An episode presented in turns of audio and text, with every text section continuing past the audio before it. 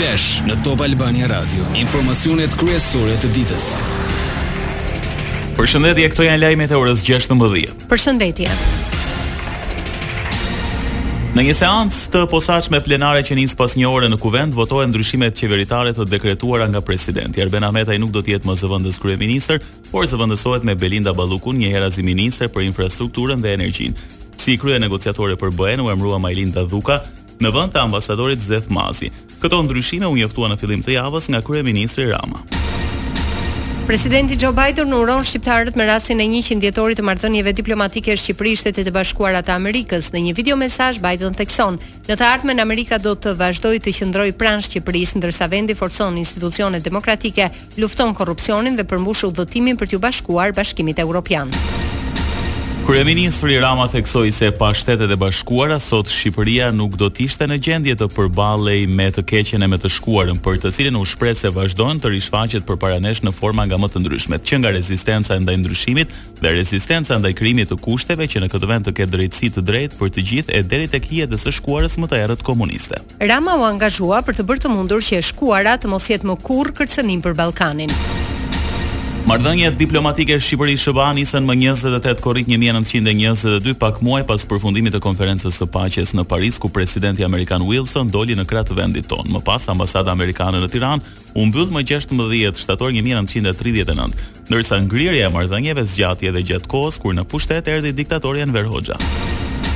Më 11 qershor 1991, sekretari i shtetit James Baker ishte zyrtari i parë i nivelit të lartë amerikan, i cili vizitonte Shqipërinë pas periudhës së gjatë të izolimit të vendit. Që nga ajo kohë, marrëdhëniet Amerikë-Shqipëri kanë përparuar e janë rritur dhe Shqipëria është bërë një nga aleatet më të palëkundura të Amerikës, sidomos në luftën globale kundër terrorizmit.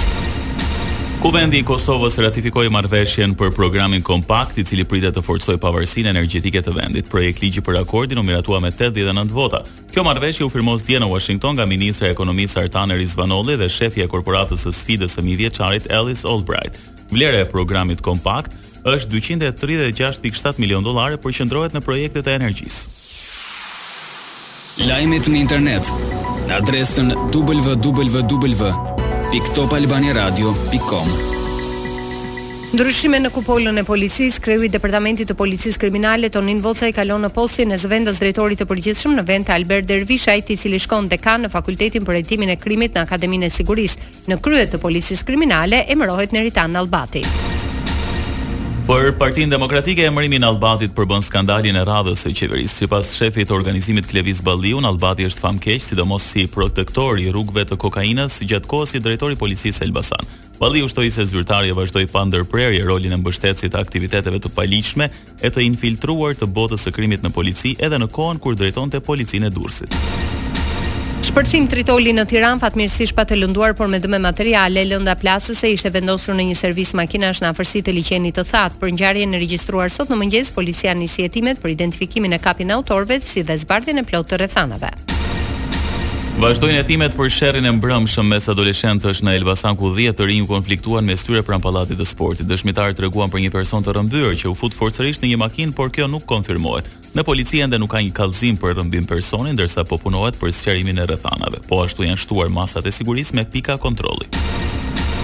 16 vatra zjarri në 24 orë në vend, sipas Ministrisë së Mbrojtjes deri tani është bërë i mundur izolimi i flakëve në Halil të Krujës, Velçan të Beratit, dhe në fshatrat Bogë e Flakë në Malësi të Madhe. Janë aktive vatrat në Ndërshen të Mirditës, Vinjoll të Kurbinit dhe Qukës Skënderbej Bashkia Prrenjas. Në vijim në vendin tonë priten vranësira të pakta që herë pas here do të pësojnë zhvillime të përkohshme duke gjeneruar reshje të izoluara shiu në zonat malore e pjesërisht në ultësirën perëndimore. Temperaturat variojnë nga 17 në 35 gradë Celsius. Lajme nga rajoni. Presidenti serb Vuçiç u shpreh i shqetësuar në prag të nisjes së zbatimit të vendimit të Qeverisë së Kosovës për riregjistrimin e makinave. Me këtë vendim të njëzet e nëntë qershorit, automjetet me targa të lëshuara nga autoritetet serbe duhet të riregjistrohen me të Republikës së Kosovës. Të tilla janë rreth dhjetë mijë, kryesisht në veriun me shumicë serbe. Si ndërmjetësues i dialogut Kosovë-Serbi, Bashkimi Evropian tha se Kosova ka të drejtë t'i zëvendësojë targat me akronimet e qyteteve. Vuçiç akuzon Prishtinën se do që targat KM të mos ekzistojnë. Sipas tij, qeveria Kurti nuk ka treguar se çfarë do të ndodhë me makinat që nuk riregjistrohen në Kosovë pas tridhjetë shtatorit. Nga një gushti hyn në fuqi edhe një vendim tjetër i Qeverisë së Kosovës për kalimin e pikave kufitare me dokumente personale të lëshuara nga autoritetet serbe. Ata me të tilla dokumente me të hyrë në territorin e Kosovës do të marrin një certifikatë që i zëvendëson. Kjo është një lloj mase reciproke me Serbinë. Lajme nga bota. Më shumë se shtatëdhjetë e pesë mijë ushtarë rusë që luftonin në Ukrainë besohet se janë vrarë apo plagosur. Shifra jepet nga ligjvënësja amerikane Elissa Slotkin dhe përbën gati gjysmën e numrit të trupave që Moska ka dërguar në Ukrainë prej nisjes së pushtimit më njëzet e katër shkurt. Slotkin foli për CNN-in pas pjesëmarrjes në një takim me zyrtarë të inteligjencës. Ministria britanike e Mbrojtjes deklaroi se kundërofensiva ukrainase në Kherson po fiton. Rikthimi i kontrollit të qytetit do t'ju krijonte ukrainasve terren për të marrë dhe disa pjesë të tjera në brigjet e Detit të Zi. Ndërkohë, ura Antonivski pranë Hersonit u godit sërish dje, e tani mund të mos jetë e qëndrueshme për të kaluar. Rusia varet nga këto ura për të furnizuar zonat nën kontroll. Në Amerikë, autoritetet shëndetësore gjetën një lloj të rrallë por të rrezikshëm të një bakteri në tokë dhe disa mostra uji të Mississippi-t. Burkholderia pseudomallei mund të shkaktojë sëmundje të jashtëzakonshme te disa njerëz. Te shumica e personave të shëndetshëm, bakteri nuk sjell sëmundjen serioze melioidoza.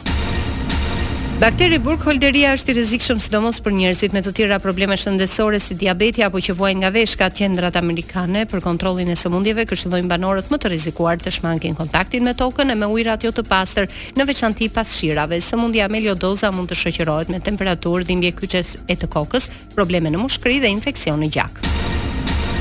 Aeroporti i Stambollit renditet i pari mes atyre europianë me rreth 5.9 milionë pasagjerë në qershor. Këshilli Ndërkombëtar i Aeroporteve në Europë publikoi raportin për trafikun ajror për tremujorin e dytë të vitit. Në të Stambollit, në qershor numri i pasagjerëve u rrit me njëqind e pesëmbëdhjetë pikë katër për qind, krahasuar me të njëjtën periudhë të vitit të kaluar. Sport.